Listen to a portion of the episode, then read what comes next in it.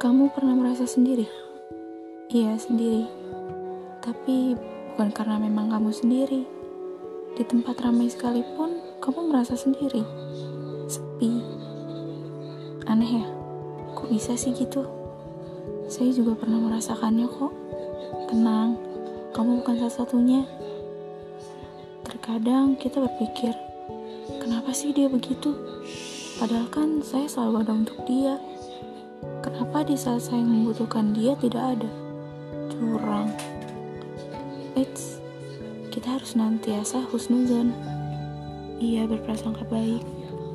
Mungkin saja dia sedang ada kesibukan lain yang tidak memungkinkan untuk dia tinggal.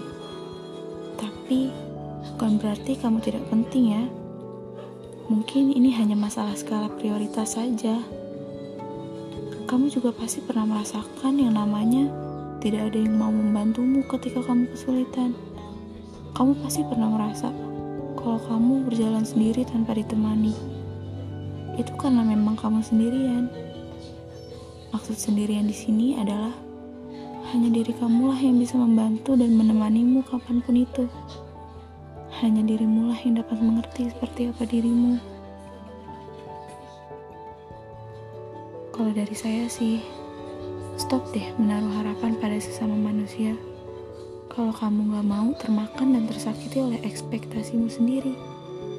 Sebaik-baiknya berharap, ya hanya kepada Allah semata. Karena janjinya itu pasti. So, jangan lagi merasa sendiri ya. When you still recognize yourself, you never alone.